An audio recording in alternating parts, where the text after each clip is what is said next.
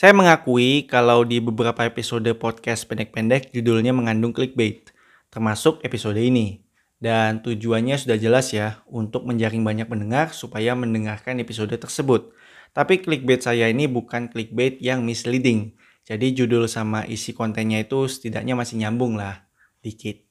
Dan apakah clickbait ini berhasil? Ya, walaupun hanya satu episode saja yang berhasil karena menjadi episode dengan jumlah pemutaran terbanyak di podcast pendek-pendek, yaitu podcast pendek-pendek, podcast teratas Spotify dengan 26 kali pemutaran di Anchor. Di situ saya membacakan 10 besar podcast teratas Afrika Selatan di Spotify.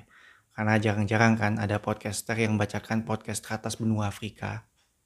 Eh tapi boleh juga tuh, kalau misalnya ada episode podcast pendek-pendek, di mana saya memberikan spoiler terhadap episode podcast pendek-pendek yang dirasa mengandung clickbait.